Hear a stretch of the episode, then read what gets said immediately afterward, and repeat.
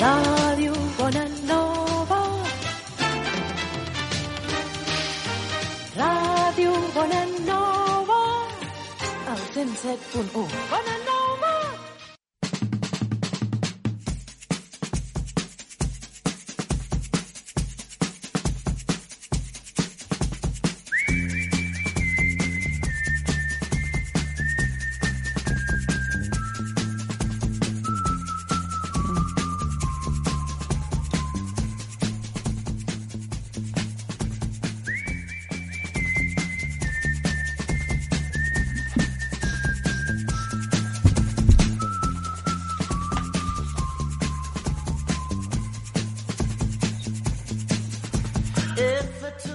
Hola, què tal? Imperfectes. Us parla en Jonathan Gomà de Ningú no és perfecte. Ens trobem a la Ràdio Bonanova al 107.1 de la FM. Benvinguts. Tenim moltes ganes de començar el programa. Oi que sí, companys? I tant! Molt bé. Tal com hem sentit, eh, tenim amb nosaltres per una banda la Raquel Villalobos. Hola, hola! Hola, què tal? I per l'altra tenim a l'Héctor J. Ribas. Què tal? Bé, aquí, aquí estem. Molt, Molt bé. Me n'alegro d'estar un altre cop més, eh? Molt bé. Saludem també a l'Anna Valverde pel seu suport tècnic i perquè ens ajuda a ser menys imperfectes a cada programa. Bona tarda. Bona tarda. Fetes les presentacions, recordeu que ens podeu trobar a Facebook, Instagram i e-books. També, si voleu, podeu posar-vos en contacte amb nosaltres durant el programa en el telèfon d'aquesta casa, que és el 93 202 34 36 i el número de WhatsApp, el 638 908 650. I si ningú té res en contra, comencem amb el programa d'avui. Benvinguts al Ningú no és perfecte.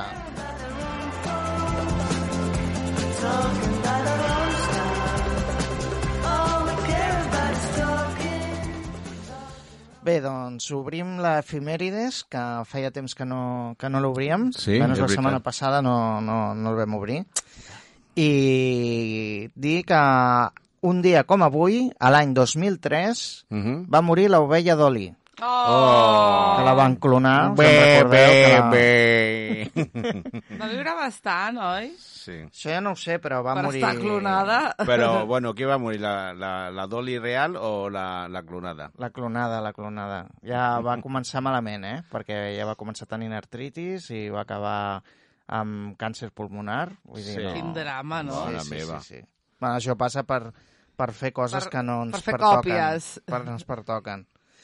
Doncs bé, doncs avui, la setmana passada vam estar parlant de d'escombraries i de xalles i avui Sí. anem a pols oposats. Sí. Avui anem a l'altre extrem. Avui parlarem de perfums i colònies. Molt bé. Avui, Per compensar. per compensar una mica, Per, que lo, també per lo som menos nets. la olor, la olor, no? Sí, home. Doncs ara, amb la música de Missió Impossible, durant 5 minuts, doncs parlarem de colònies i perfums. A veure, us poseu perfums? Us poseu colònies? Uh, jo, mm, les últimes colònies que m'he posat ha sigut perquè me l'han regalat. Ah, O sigui, ara se m'ha se m'ha esgotat, és el meu compleanys dintre de poc, i no tinc colònia. ah, O sigui que ja saps que et regalaran. No ho sé, però ho dic així, eh, per si algú ho sent. molt bé. Sabeu una cosa que hi ha una... Jo no he respost. Ah, vale, vale. Sí, sí, sí, I sí. tu tampoc. Jo, jo tampoc. Tu Digues, te'n poses o no? La Jo colònia, poso, o, sí. colònia o perfum? Colònia, colònia. No tens perfums? Però No. perfum és molt fort, no? Sí. Bueno, hi ha l'o- l'o de toilet, que és la colònia, sí. i hi ha l'o de Sí. perfum. Jo agafo el, Ah, per- el o de grifó, però bueno. O de, o de sobac.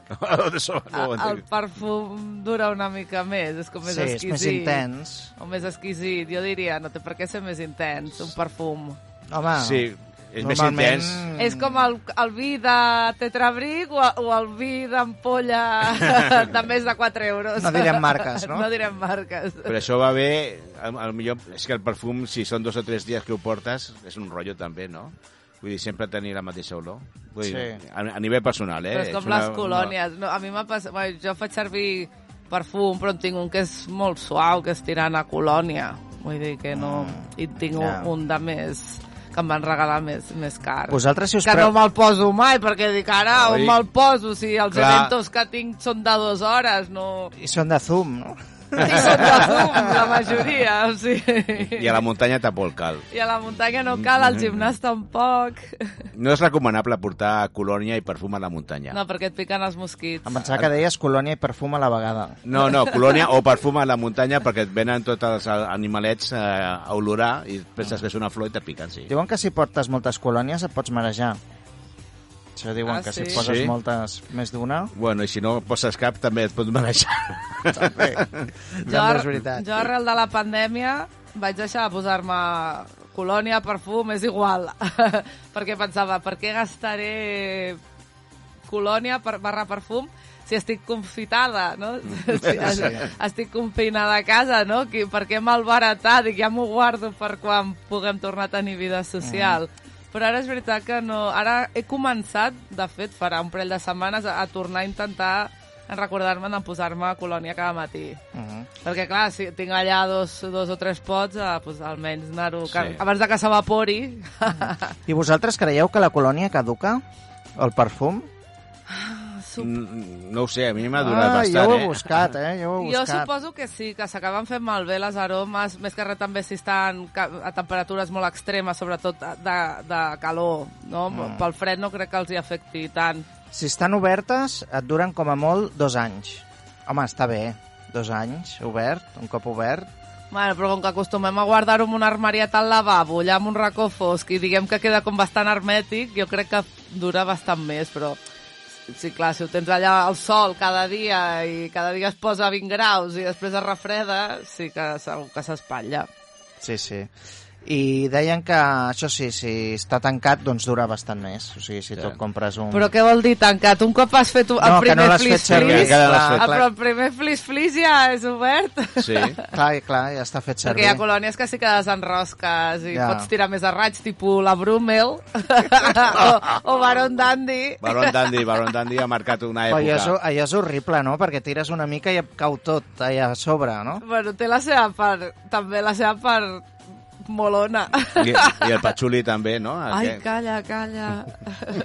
Home, hi ha cada colònia que a vegades dius no sé què és pitjor, si Sí. posar-te la colònia Bueno, o... és que abans n'hi havia quatre, no? Suposo, Sí. dos o tres per home i potser cinc o sis per dona, ja està. Saps que el, el Chanel 5 Sí? es veu que també serveix per, pels caçadors per atraure la, els jaguars Onda. Ah, i els cara. leopardos, els leopardos. I, el... I el Chanel 10? No. Això que li pregunten a la Teresa Campos, no? Però veu que ho fan servir, tu. Ostres. Però heu entrat De últimament qualitat. a una perfumeria, és una bogeria, o No. sigui, hi ha perfums per avorrir, és que no, no tens prou vida per provar tots els perfums. Però tu poses a la mà, no? S'ho posen tots a la mà ja, no? A veure, sí, O acabes les allà tires, olorant, les tiretes aquelles, Sí, no? sí, sí. Que, que poses a olorar. olores tot i després ja no saps quina t'ha agradat més i quina menys, perquè clar, també has de deixar que passi una estona, perquè no olora igual recient Clar. espraiada que al cap de 5 minuts. I aquell que, la típic que deixa aquell aroma que entres en aquella habitació, a l'ascensor passa. Sí. Que entres a l'ascensor i dius, ja ha entrat aquesta persona. o ha entrat algú o molt perfumat o molt pudent, eh? Perquè també m'ha passat de dir- d'haver-me aguantat la respiració dins de l'ascensor. Però del perfum també també es nota, eh, quan ha passat una persona. Sí, hi ha gent Si que dius, molt carregat." mmm, que bé colora aquesta Sí. persona. I si és un perfum fort, normalment són persones grans. També... Bueno, ara no tant. Bueno, abans s'estilava molt el nenuco, no? El nenuco. El Bueno, nenuco. El nenuco fa bona olor. Sí. Sí. Tant per nen com per iaio, eh? Sí, sí. Bueno, doncs estem posats, no?, una mica amb això de les colònies. I a- avui en dia imitacions, marca blanca... Sí, sí. Es veu que van provar això dels guepards, que van provar-ho amb, amb marca Que blanca. pas o lleopards? O, Ah, dels dos? Bueno, o això. jaguars?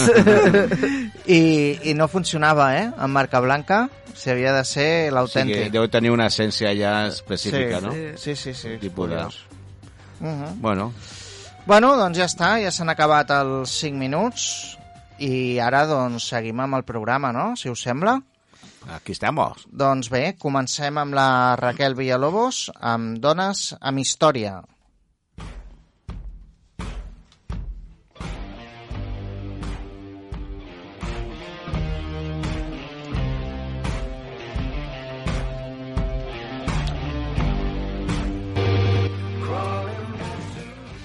Doncs avui us porto dues dones. La primera és Isabel Barreto, que va ser la primera dona al Mirant.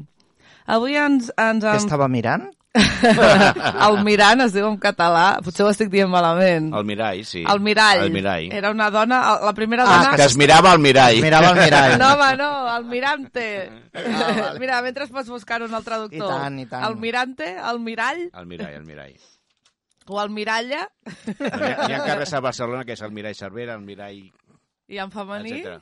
el mirall El, igual. el mirall, ja. Sí. És, a veure, no és femení, és un, És, és, és, neutre, un nivell. És un... el, el mirall. Clar. Pues El l'almirall mirall, el mirall. l'almirall Isabel Barreto. Doncs avui coneixerem una mica la seva història i ens endinsarem a aquesta aventura èpica de viatges i expedicions oceàniques en una època en què els, el, els mars estaven plens de pirates, corsaris i exploradors. I enmig de tot això, Isabel Barreto es va convertir en la primera almirall d'una flota a la història de la navegació mundial. Per aconseguir-ho, aquesta gallega, nascuda a Pontevedra el 1567, va tenir que ser una dona forta, valenta i capaç de prendre decisions en un entorn d'homes que sempre la van mirar amb una mescla de recel, desconfiança i despreci. A les illes, doncs, va arribar a anar a les illes Salomón en busca d'or. Isabel va tenir la sort que el seu pare va decidir donar-li la mateixa educació que els seus fills homes, i així va ser com va estudiar geografia i geometria sense saber que, com arribarien de ser útils a la seva vida i que l'ajudarien doncs, a, en aquells coneixements a, a descobrir doncs, el que passaria després. No? I és que als 28 anys es va embarcar l'expedició que el seu marit, Álvaro de Mendanya, va organitzar ru- rum a les Illes Salomón, als mars del sur en busca d'or. Però quan van arribar, el marit va, es va posar malalt de, mara, de malària i va morir. No sense abans haver-la nombrat a hereva universal. D'aquesta manera, Isabel es va convertir el 18 d'octubre de 1595 en adelantada de l'arxipèlag a càrrec del que corresponia a la persona que duia a terme o ade adelante, de- d'allí el nom, del mirall. I una empresa pública sota el designi reial. A més, va passar a ser també la capitana general i almirall de la flota de Felip II i va tenir el seu, sota les seves ordres prop de 400 homes.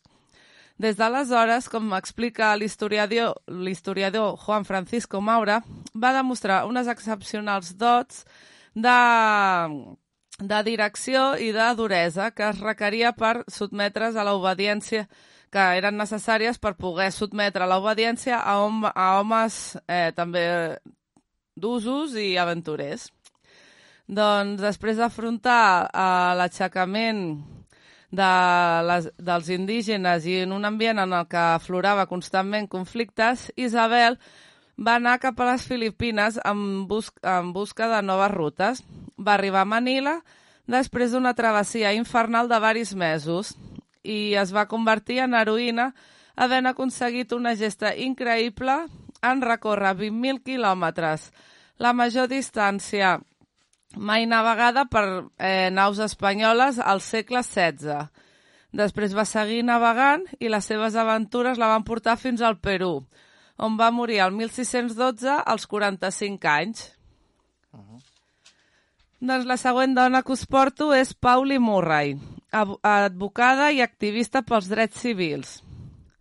Encara que molts no la coneguin, Paula, Pauli Murray, nascuda el 1910 i va morir el 1985, va ser una pionera dels drets civils. De fet, està considerada una de les figures més importants per la lluita de la igualtat de, de, de raça i de gènere i als anys 40. Una de les seves protestes el 1940, quan es va negar a canviar-se de seient en un autobús de Virgínia, on existia una llei de segregació racial en el transport públic.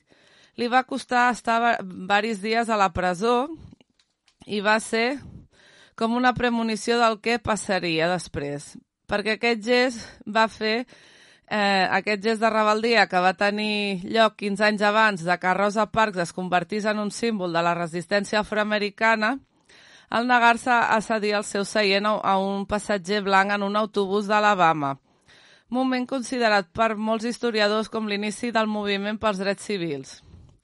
Des de petita, també es va donar compte de la discriminació que patien les dones a una edat molt jove, eh, al voltant dels 5 anys, i va fer... No, i a, i a l'edat dels 5 anys va fer la seva primera protesta quan durant l'esmorzar va veure que la seva tieta servia al seu avi. Eh, tres tortilles, el, el que diria, tortites, bueno, el menjar típic d'allà, i després ella només en va rebre una, i aquesta consciència d'injustícia, el seu desig d'acabar amb, amb, aquest, amb, la, amb la injustícia, la van empènyer a estudiar dret. I tot i que li van negar l'ingrés a Harvard per ser dona, es va llicenciar a la Universitat de Berkeley, Califòrnia. Després va escriure tractats eh, legals que van servir per acabar amb la segregació racial a les escoles dels Estats Units per inspirar, entre altres personalitats, a la jutge Ruth Bader Ginsburg en la seva lluita per la desigualtat de gènere, per treballar amb Martin Luther King i també amb el govern de J.F. Kennedy.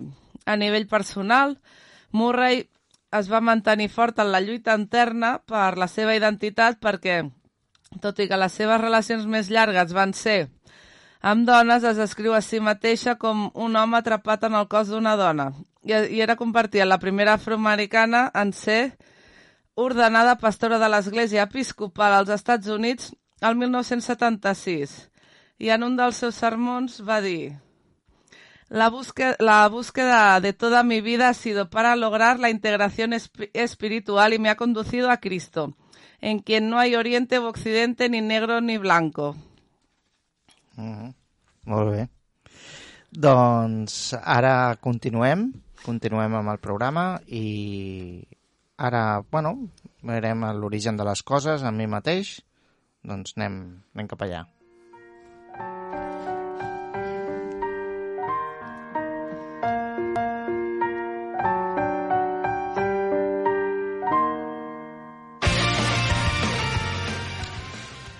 Bé, doncs avui us he portat més que res que origen, curiositats. Mm. Curiositats sobre els perfums i les colònies. Molt curiós. Ah, vale. Molt Val? curiós. Sabeu d'on ve la paraula perfum? Perfum. No. De fum. No? No. Tic-tac, Ni idea. tic-tac. Mm, va per allà, eh? Ah, sí? De la paraula por i fumare, Ah. que vol dir a través del fum. ah, mira. perquè, com sabeu, és la substància aromàtica que surt del fum quan és cremat, o sigui, quan és cremat tipus inciens, no? Sí, Com a un l'inciens, doncs Ah, aquest vale. fum que surt, Sí, sí. doncs aquí ve el, la paraula perfum. Anda. Mira quines coses, I eh? S'aprenen avui en dia. Llavors, eh, si pensem, eh, quina civilització diríeu que va inventar el perfum? Egipte segurament. Ho inventen tot allà. No ho sabem, eh? Que sí, Sí. perquè quan Van fem un cafè el- les històries ho fan tot a Egipte. Sí. Egipte. Van Sí. ser molt No sé, avançats, les sí. piràmides... No, no, no ho sé, no ho sé. Els sumeris. Ah, Sí, sumeris. 3.500 anys abans de Crist. Mm, I també van fabricar diferents ungüents, també. molt o bé. sigui que... Els egipcis Eh, veus? ja- Mira, ja, ja- ja, ja ja, va ja, estan, sortint, ja estan ja per trigaven allà. a Eh? sortir. van ser els primers en perfumar-se. Ah, mira. Sí, sí, sí, sí. Amb regularitat. O sigui, aquests ho feien Era- conscientment. Eren nets, ja. ja Sí, sí, aquests ja... Era para no lavarse. Sí. I esconder olores. Sí. Això de les piràmides deu, segurament era massa fort. Diu que allà al 1558 abans de Crist es va convertir en una autèntica obsessió nacional el tema del perfum. Vaja, que es va posar a moda. Sí, sí. I la Cleopatra era una artista Era del perfum, trending eh? topic, no? La Cleopatra era, bueno, aquella arrasava amb el perfum. També es perfumaven els nois, eh? Sí, sí. Molt bé. Uh, bueno, els gladiadors. Ah, sí? Sí, els gladiadors es perfumaven. Abans de sortir al combat, Sí. uh, es, es tiraven una loció eh, d'aquestes aromàtica Sí. I en diferents parts del cos. No diuen quines, però Ja, ja, se ja, les ja. tiraven i tal. Mare meva. I a l'antiga Roma l'obsessió va ser a, fins a un nivell que tant els homes com dones eh, prenien banys de perfum. Mm. O sigui que té la marinera, eh? Després aquí ja ve al Palau de Lluís XV eh, van començar a treballar... Els francesos, sí, clar, sí, sí, aquí sí. eh, també. Aquí van fer els seus inicis amb els ambientadors. I els criats Sí. banyaven els coloms, Coloms. els coloms, els coloms, Ostres, sí. en diferents perfums. Perquè això, quan els alliberaven, durant la festa, Ah, vale. deixaven anar doncs, Ah. aquesta olor. Ah. Eh? Es- Eren els difusors de l'època. Sí, sí, els primers ambientadors. molt bé, molt bé. Ben pensat. Sí, sí. Allí on anaven volant, doncs allí deixaven tot, tota l'aroma. I aquesta època, això com ha dit abans l'Anna, doncs eh, es rentaven, bueno, es rentava molt poc. Llavors, per dissimular la pudor, doncs es tiraven molt perfum. Clar. O sigui que... Però, bueno, a vegades la barreja no és bona, eh, tampoc. De ahí eh, la muerte súbita. Bueno, també tenim el tema de la pell, La pell. el pH de Ah, la, la, pell. la, 5,5. Doncs es veu que diuen que per lo general no canvia molt d'una persona a una altra, però hi ha una mínima diferència, que és suficient perquè alguns ingredients interactuïn, o sigui, del perfum, alguns ingredients del perfum Sí. interactuïn d'una manera diferent en cada pell. O sigui, que no tenen tots el mateix olor. Vols Es dir, depèn no. de la gent. Es veu que depèn de la gent, doncs no té el mateix tipus de, de fragància. Mhm. De fet, hi ha investigacions que parlen de la, del tipus de pell, segons el tipus de pell, doncs durarà més o durarà menys. Per exemple, les pells morenes solen tenir, bueno, solen ser pells més grasses i aquesta grassa que produeix l'organisme eh, entra en contacte amb aquests olis, sembla que sàpiga, eh? Sí, sí, sí. aquests olis del perfum i fa que l'aroma sigui, sigui més intens. O sigui... Ah, que curiós. Sí, sí. Llavors, doncs, diuen que els hi va millor amb aquest tipus de gent que, que té la pell més, més morena, doncs perfums intensos, florals o cítrics. Eh, No. No això. I, eh. I amb- i, I els blancs? I els que tenen les pells blanques, doncs, tenen la pell més seca. Llavors, doncs, per aquest tipus de pell, el millor són els aromes frescos i els estimulants. Vale. Sí, sí. Frescos i estimulants. I sabeu quines, són, la, quines són les dones que més es perfumen a Europa? Les dones. Sí. Las francesas. No? Pues les espanyoles. Toma. Toma ja. Eh, segueixen les italianes i després les franceses. Anda, Ah, Sí, Iba sí, bien sí. yo. Sí, sí, no. jo- que no presumides som. Després, hi han... Ostres, això és interessantíssim, eh? El O de Colón. La, O de- la, O de la- Colònia. De la, la colònia. Ah, Vale. Aigua de colònia. Aigua de Ah, Colom. vale, vale. Aigua Si jo estava pensant en el Cristóbal Colom. Hi ha l'aigua de perfum i l'aigua de colònia. L'aigua de colònia. Anava a dir una cosa, però no la dic. Està composta per al voltant d'un 3% de perfum en una base d'alcohol i d'aigua. Mm. I és l'aroma més lleuger i menys durader. O sigui que... el- Sí, ja, ja va bé. Per les dues hores aquelles. per dues hores eh, Ja, ja és va bo bé. saber-ho, no? Per entrar Sí. a la feina, que notis que fas bona olor i, després ja, no cal. Com que després ja has treballat, ja. I després hi ha l'aigua de toilet. ah, Eh? O de toilet. O de toilet, molt bé. És una solució composta entre un 3% i un 8% en una base d'aigua o d'alcohol. mm. Eh, és ja menys, aquesta dura un, una hora. és menys aquesta. concentrada que el, que el- lo de perfum, que veurem més endavant, i aquesta és s'utilitza per crear una versió més suau de- d'una fragància. Mm. Sí, aquesta és una fragància, però és més, Sí. més suau, més... no és tan O fort. sigui que hi ha tres varietats. Sí, i el Sí. de grifo, que hem dit abans també. Ah, doncs hi ha lo- lo de perfum, l'aigua de perfum, que és una solució de perfum en alcohol eh, que conté entre un 10% i un 15% de perfum. O sigui, aquest ja té més. Tela. Sí, sí. I llavors hi ha la fragància que conté entre un 20% i un 50% de perfum, Mm. que aquesta sí que és qualificada com a perfum-perfum. Mm. O sigui, Ah, aquesta és vale. perfum. És l'opció més duradera i intensa, i la més cara. I el més cara. O sigui, si et trobes un perfum molt barat, no és perfum. O sigui, No, no és. Fer aigua de perfum. Hi ha o- quatre tipus, jo pensava només n'hi havia dos. Sí que ha evolucionat això de les colònies amb els anys. Sí, sí. O sigui, que hi ha per tots els gustos. Jo no sé quines podríeu fer servir vosaltres. Jo, eh, ja t'he dit, la- el de la colònia, o de colon, o de colon i prou. Sí, no? Sí, perquè, a O, veure... o de perfum, que tampoc és tan... Sí, tot, suposo que depèn, setmana- depèn d'això que deies una miqueta de l'espeix i tot això. Sí, i de lo que necessitis en aquell moment, no? I si ets una persona que sues molt i, i desprens una altra, una altra olor, però si no, jo, per exemple, em poso el desodorant i, en tot cas, el, el, la colònia, Jo i, prà- crec- i pràcticament no... El que, es pot, el que recomanaria per estalviar és entre setmana colònia i el cap de setmana perfum.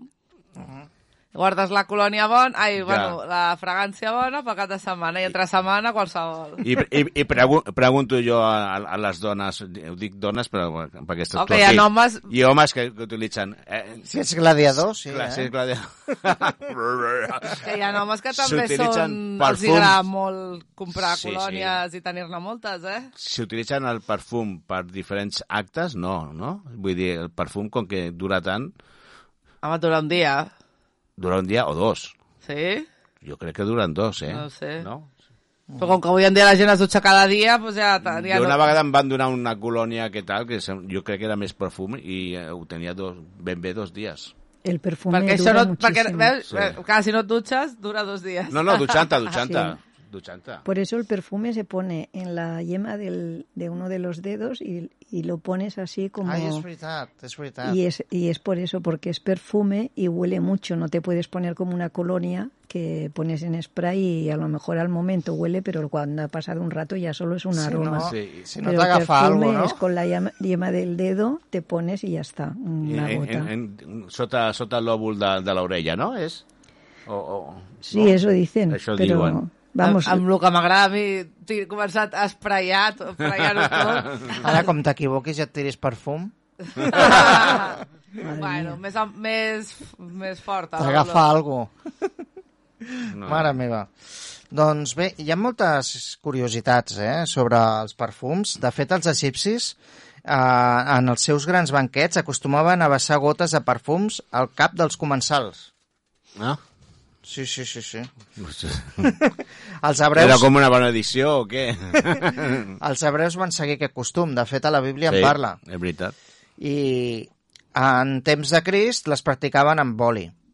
Els cosmètics es feien servir a Israel i el profeta Isaías també fa una descripció detallada dels luxes que feien servir les dones del seu temps. O sigui que també parla de, També. de, de Dels temes d'aquests. Mm. Sí, sí. També s'utilitzava la unció com a medicina per als malalts. Sí. O sigui que... Mm, Déu-n'hi-do. O sigui, veiem que hi ha un munt de coses que, que es feien servir, per, per exemple, per manifestacions religioses, també per malalts, per, per enterraments, també. Mm. O sigui que sí, sí. l'ús del perfum ara el fem A- a- servir només per anar a, por totes, ahí, no? sí, a, a tots els nivells de, de la societat i a tots els, els actes socials. Sí, sí. I es tirava... Bueno, i també es feien servir pels peus, també. Això ja va, ja va bé. Això avui en dia encara s'ha de seguir treballant, perquè ja cada un... eh, Home, Doncs bé. és- està el peu sec. No sé què... Sí, bueno, també són perfums, Però aquí el no? té molt humit Sí, pel sí. peu. I li canta com una almeja. Bé, doncs, eh, mentre parlem una mica d'això, anem a escoltar una cançó que també parla d'un altre tipus de perfum i anem a escoltar-la.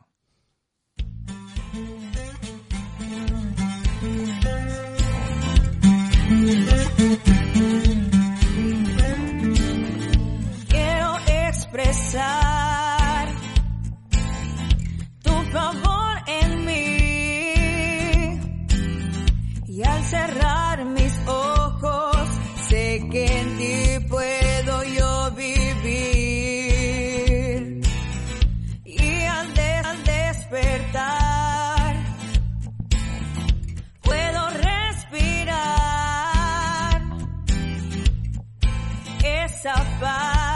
que solo tú me puedes dar.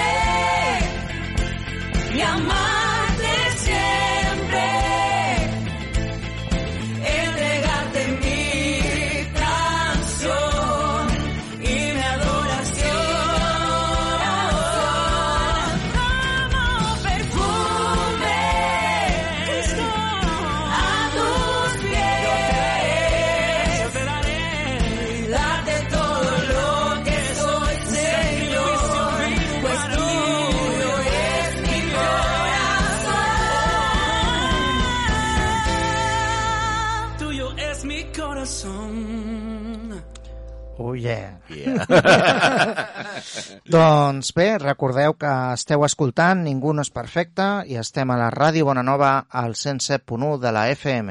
Avui parlem de perfums i colònies i hem escoltat doncs, aquesta cançó que també parla d'un perfum, que també en parlarem després quan acabem el programa.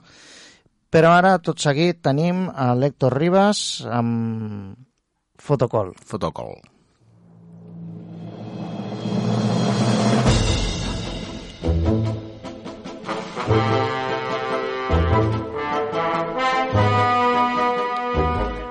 Molt bé, doncs pues mira, uh, paisatges, minimalista, foto de carrer, i avui farem eh, consells per fer fotos de retrat. De retrat. ¿vale? És, curiosament, és una de les fotos que més fem, encara que avui en dia se fa més l'autorretrat. el selfie, bien conocido com el selfie, però eh, és una de les fotos que moltes vegades fem, no? Eh, retrats i normalment fem retrats en grup, retrats amb, amb una persona, o sigui que és interessant poder aventurar. Sobre la foto de retrat és que n'hi ha molt, molt, molt, molt material, molt material, i és uf, molt complicat. El que farem serà posar les bases mm, quatre, quatre punts importants, eh, quatre o cinc punts importants, i, i a partir d'aquí ja es pot esplaiar un. Vull dir, n'hi ha, n'hi ha molt material sobre, sobre, sobre el retrat. Eh, també he de dir que no són... A veure, jo dono consells, eh, jo, però no, no, no vol dir que jo sigui l'especialista eh, i que hagi fet tot aquest tipus de foto, no? A paisatge sí, a minimalista també he fet, però vull dir, eh, tot això ho trec també de, de, de, de YouTube, d'informació que n'hi ha a Google o qualsevol altre na- navegador, cercador, i el que intento és compilar una miqueta per posar les, les bases on coincidim, on coincideixen tots, no? Uh, a vegades fem fotos i no te n'adones realment que estàs utilitzant eh, tots aquests consells que fas. Tu fas fotos i no te n'adones. I quan veus que, que t'apropes a aquests fotògrafs eh, especialistes i professionals i dius, ostres, veus? Eh, això sí que ho feia bé, això no. I veus que, que, que, que anem bé, no? I llavors eh, vull re- remarcar això, no és que sigui un especialista, m'agrada molt la foto, i precisament la foto de retrat és una de les coses molt complicades, o sigui, jo penso que és de les més complicades que n'hi ha, perquè el que es tracta amb la fotografia de, de retrat és treure tota la personalitat, i parlant de perfums, tota l'essència, eh? tota l'essència de, de, de l'objecte eh, o persona que volem, que volem retratar, no? I, i això a vegades és, és difícil, no? Perquè aquí és un... Eh, no només és, és qüestió de, del propi fotògraf, sinó també de l'altra persona que, que, que, que, que ha de posar de l'hosteu, no? Però el fotògraf és el que ha de guiar aquella persona a, a posicionar-se, a somriure, a posar-se així, i mirar cap allà, les mirades i tal, no? La llum. I això és el que anem a veure ara. Què necessitem per a una fotografia de re- de retrat? Persones. El model. és molt important tenir un model, si no, malament, no? Uh, jo conec persones que han fet eh, fotografia de bodes eh, i conec una que, que, que fa tres anys ha començat a fer fotografia de bodes i fins ara, i he de dir que ha evolucionat molt. I això només s'evoluciona fent fotos. Jo sempre he dit, n'hi ha, ha que practicar, s'ha de fer fotos. I el que fa és eh, escriure a l'Instagram, a veure, alguna parella, algun que vol venir a fer fotos i farem una tarda de fotografies, jo aprendré a fer fotografies i a buscar posicions, a buscar les llums, i a buscar tot el que sigui necessari, i vosaltres, si surt bé i us agraden les fotos, us les regalo, no? O sigui, n'hi ha un, aquí n'hi ha un, un canvi d'això. I això és, és important, no? Si, si no vols adentrar-te en el món de, del retrat sense, sense tenir aquesta prèvia experiència, pues, parla amb els amics, parla amb els familiars que, que posin, que siguin els models adequats, no? I jugar una miqueta amb les llums. Així que ell tindrà la seva sessió de fotos i, i tu tindràs l'experiència adquirida durant aquest temps, no? Uh, la segona cosa que, que necessitem, pues les càmeres. Mhm. Si ja tenim el, el, el model, les càmeres, l'objectiu. Uh, quin tipus de càmeres? Aquí, aquí sí que se necessita una càmera no tan compacta, no tan... Encara que avui en dia sempre diem, uh, tenim els, els mòbils, però si és una reflex o una mirrorless, pues molt millor. Per què? Perquè també pots, pots canviar l'objectiu de, de la càmera i pots eh, aprofitar, de- després veurem més endavant, el desenfocament i, i les llums. I necessitem també, segurament, un trípode i un flash de, de farciment, de relleno, un flash de, de costat o, o de dalt o que sigui, per, perquè no, no sigui una llum directa. Bueno, pues, si us sembla, anem a començar.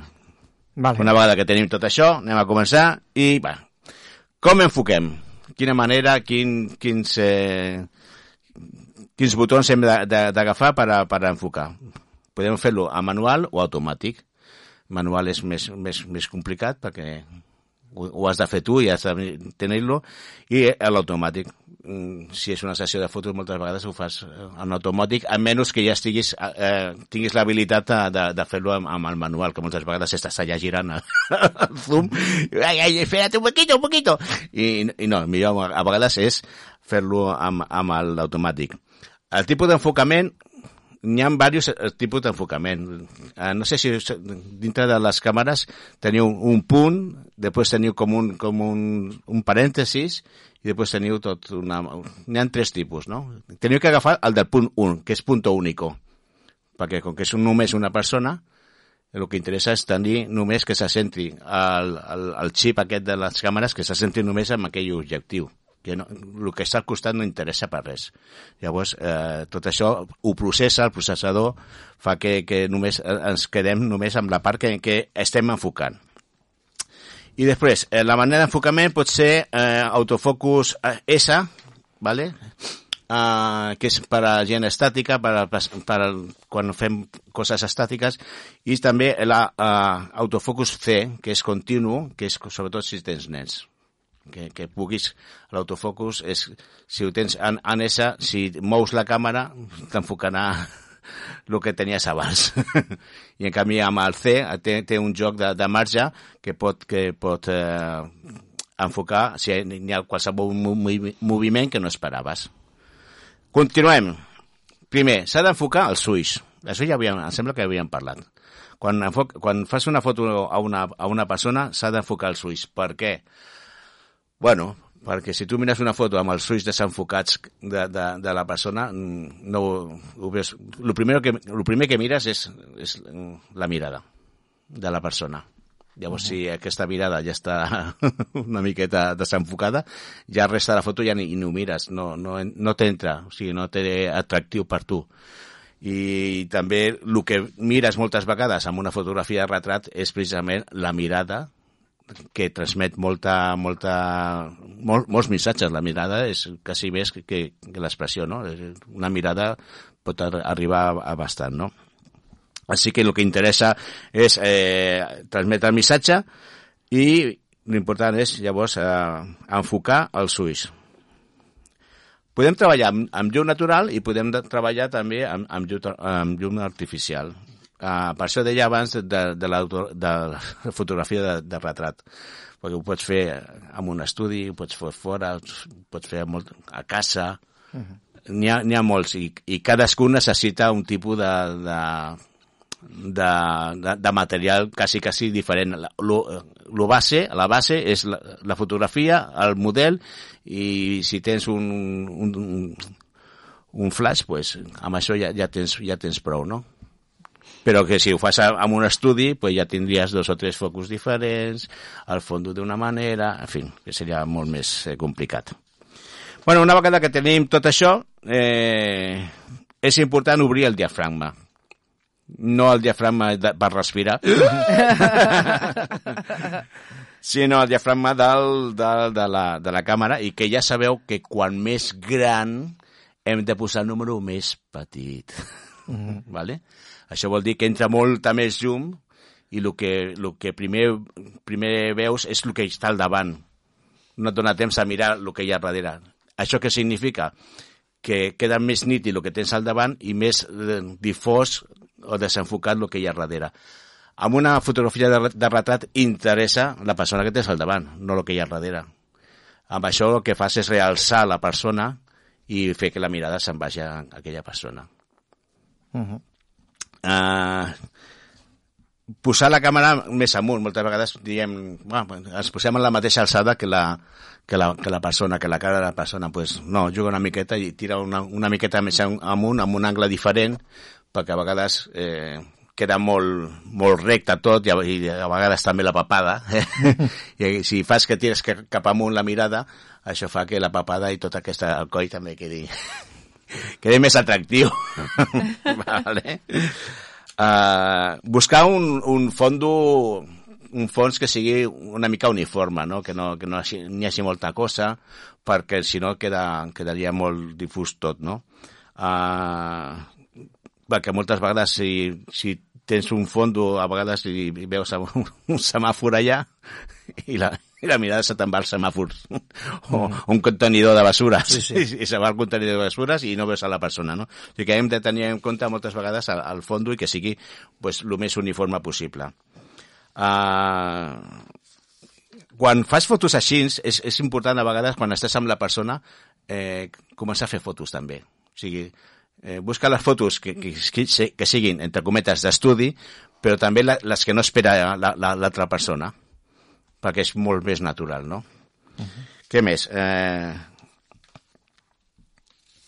eh, mm, dies assolellats. Sempre diem, ostres, que bé, un dia assolellat. A, a vegades és el pitjor, perquè n'hi ha molt contrast entre les ombres i, i, i el sol. I llavors has de buscar la, la posició adequada perquè tot això sigui, si no quedaria la cara molt, molt fosca o quedaria la cara molt, amb molt de llum i, i, ella, i, la, i la persona estaria amb els ulls mig tancats perquè li dona el sol. O sigui que sempre en, en, en dies de sol és millor posar-se a l'ombra. I si n'hi ha reflexos de, de, de vidres, de, de miralls o el que sigui, pues molt millor per realçar també la, la cara. Si ho fas a casa, posa't al costat d'una finestra, que és molt més íntim, i aprofita la llum que entra per la finestra i juga una miqueta amb això. Uh, queda molt poquet. Eh, eh, la mirada és molt important també. Eh, normalment sempre mirem, sempre mirem a la càmera, pues no, no cal mirar a la càmera. Eh, Fer-lo mirar a un altre lloc i així també mm, es veu una cosa més, molt, molt més, més natural, no? Per exemple, si teniu el cap lleugerament girat cap a la dreta, col·loqueu a la persona a l'esquerra de l'enquadrament, ¿vale? cosa que, que farà que, que, que s'ompli al, al costat que està buit i el que fa és mirar tu cap allà com, com la persona, no? Eh, això també havíem parlat també una miqueta. Buscar una posició còmoda, que sigui còmoda, que no... Ponte així! ah, fes la foto ja! que fa mal l'esquena, no? Bueno, tant tu com el, el que fa la foto com el model. Sí, lo que pasa que tu ja estàs, un, estàs allà per, per tirar-te al terra si, si cal, no? Vull dir, si surt la foto que guai del, des del terra, ho fas des del terra, però clar, evidentment, uh, la cosa és que el, la, el model, la model estigui, estigui bé, no? I sobretot la inclinació del cap és un truc que, que la majoria de fotògrafos pro, professionals de retrat utilitzen. Què això vol dir? El truc consisteix a fer que el subjecte es recolzi lleugerament el cap cap a un costat. ¿Vale? Així, cap a un costat, cap a un altre, com si tin- tinguessis tortícolis. Saps? Sí. Però bueno, la dona pot inclinar el cap cap a qualsevol sentit, perquè sempre li queda bé. ¿Vale? Sí, sí. Però se, se, O, o i sempre li queda bé de malament. Sí, però no sense, però li queda. se- sense exagerar, eh? Mentre que l'home és preferible que, la, que, que, la, que ho faci lleugerament la inclinació cap al, al cap sigui en el sentit oposat a l'espatlla més propera a la càmera. vale? Com, bueno, ho he fet... així. M'he perdut. Bueno, el cap que, que, que, ho- que ho torcis eh, oposat a l'espatlla més propera a la càmera. Depèn on faci la, la foto, Ah, que, que, se- que se'n vagi més cap, a, cap allà, o sigui, mm, que s'allunyi de, de la fotografia. Mm. I això. Bueno, i així, una mica ràpid i corrents, ja t'he dit que n'hi ha molt, molt sobre, sobre la fotografia retrat i que és una fotografia que ens agrada a tots Mhm. tenir-la i veure'ns, però que a vegades és molt complicat i... Sí, que no se sap sempre... No es veu la feina que hi ha darrere. No, no es veu, no es veu, no es veu. Quan anem a un estudi, és que, clar, això és mm, experiència i pràctica, pràctica, pràctica, pràctica, pràctica. Per això aquest amic, uh, quan pot... A veure, una parella que vulgui venir, que anem aquí i m'agradaria fer fotos. I fa fotos a la, a la, quan, quan està, s'està posant el sol i tot això, per, per jugar una miqueta amb les llums, les posicions, perquè és molt difícil fer foto de, de boda, perquè queda a, a, vegades molt, massa rígid tot. De, de fet, eh, les primeres fotos que jo vaig veure de- d'ell, ell havia estudiat i tot això, pues a mi no m'agradaven. Jo posava me gusta perquè n'hi ha que recolzar i, remei, i donar suport. A, sí, evi- evidentment. No, n'hi havia, havia algunes que estaven bé, però veies que li faltava algo que jo no, jo no faria millor, eh, també, ho- també t'ho dic, però les últimes que ha fet me sem- me semblen molt bones. O sigui, s'ha d'anar practicant. Practicant, sempre practicant, sempre m'han dit. L'experiència és un grau. Sí, sí. I l'experiència s'aconsegueix en pràctica. sí. I tant. Doncs molt bé. Moltes gràcies, Héctor, eh, per la teva aportació. I seguim una mica doncs, parlant del tema de perfums i colònies, no? Vinga. Com sabem, eh, dintre de la creativitat de Déu, perquè Déu és creatiu, eh? Totalment. O Sí. sigui- I tan creatius estem nosaltres aquí. Només cal mirar la complexitat dels nostres cossos. També ens ha donat un olfacte. I... Alguns més que d'altres, eh? El meu està una mica... Bueno, el meu jo crec que s'ha espatllat. Home, però amb ell doncs, podem gaudir doncs, de les fragàncies que, que hi ha no? a, la, a la vida. També les flors I tant. també les podem olorar. Ai, sí, la Sí, farigola, el romaní... Uh -huh. El curri. el curri. Bueno, segons els gustos de les persones, Sí, sí, Hi, ha, hi ha olors que ens poden agradar més amb uns que amb altres. L'eucaliptus, Sí. que també... O, per exemple, l'olor de quan, quan plou, També. també. O de gespa recient tallada. També. Què més? El xampú, l'olor del xampú. Sí, El nanugo. Els sabons, de, el sabó de cos... Quina mania en ficar olors empalagoses i... i pastels i... O sigui que, bueno, el tema de la- de l'olor és una cosa i el facte una cosa que ens ha, que ens ha regalat Déu. I també hi ha un cas a la Bíblia que parla de, del perfum, Mm? d'una dona amb un perfum. Sí, Així Sí. és. així és. Eh, mira, està aquí, es troba a l'Evangeli de Joan, al capítol 12, del verset 1 cap endavant. Si podries llegir-lo, Raquel. I tant. Escoltem. Sis dies abans de la Pasqua, Jesús va anar a Betània, on vivia Llàtzer, aquell que Jesús havia ressuscitat d'entre els morts. Allà li oferiren un sopar. Marta servia i un dels que seien a taula amb ell era Llàtzer. Llavors Maria va prendre una lliura de perfum de nard autèntic i molt costós. Ungia els peus de Jesús i els hi va eixugar amb els cabells. Tota la casa s'omplí d'una fragància d'aquell perfum. Un dels seus deixebles, Judas Iscariot, el qui aviat el trairia, digué «Per què no venien aquest perfum per 300 denaris i donaven els diners als pobres?» Això ho va dir no perquè s'interessés pels pobres, sinó perquè era un lladre i, com que tenia la bossa dels diners, robava el que hi tiraven.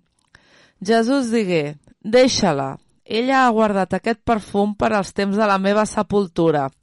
De pobres en teniu sempre amb vosaltres, però a mi no sempre em tindreu. Molt bé, moltes gràcies, Raquel.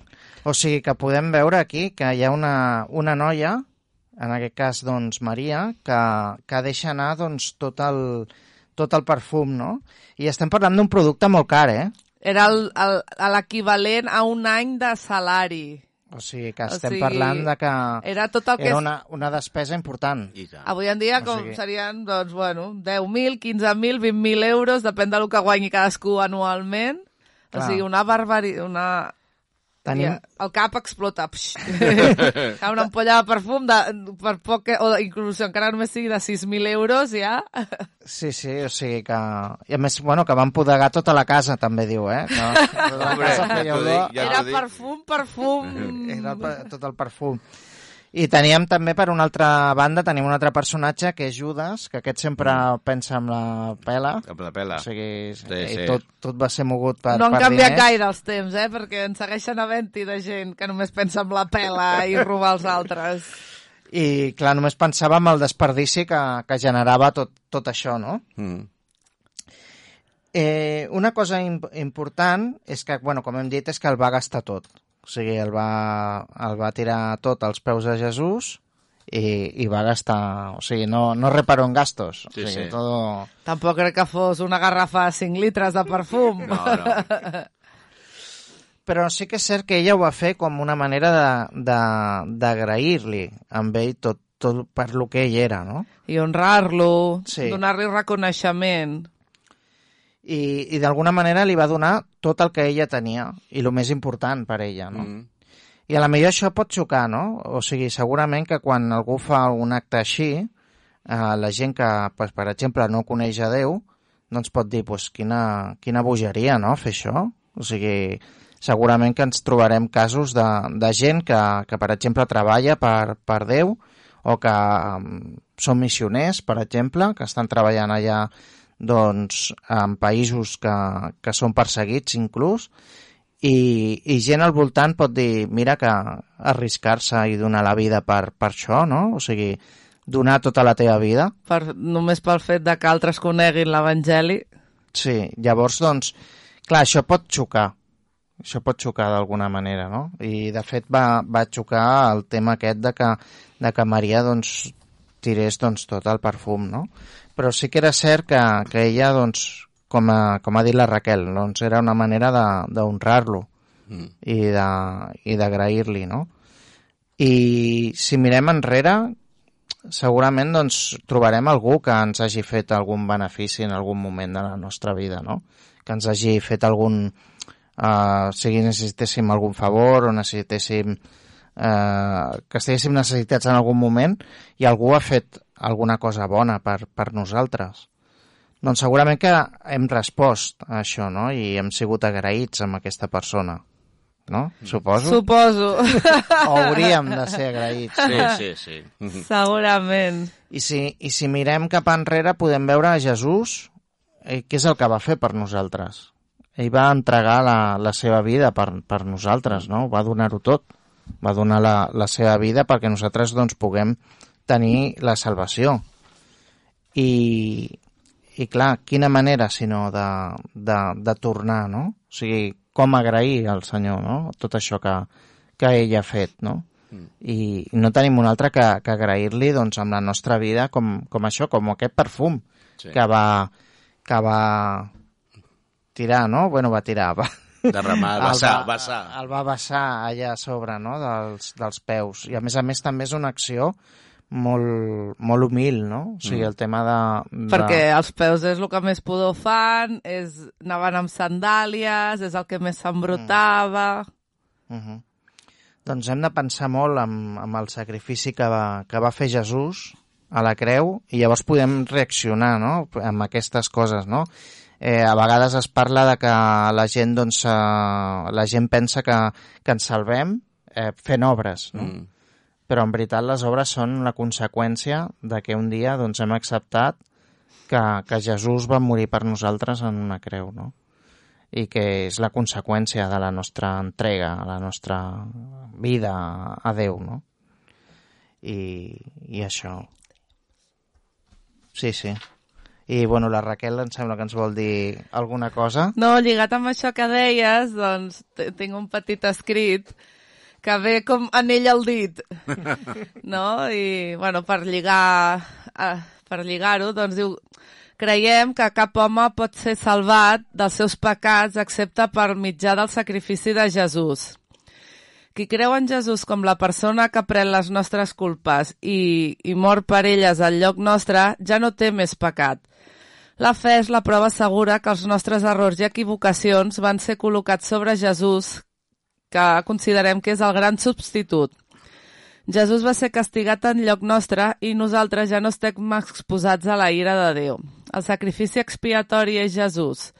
Déu ho accepta i queda tan complagut que ha declarat que tothom qui creu en Jesús està plena i eternament perdonat. Jesús ens compra per preu de sang.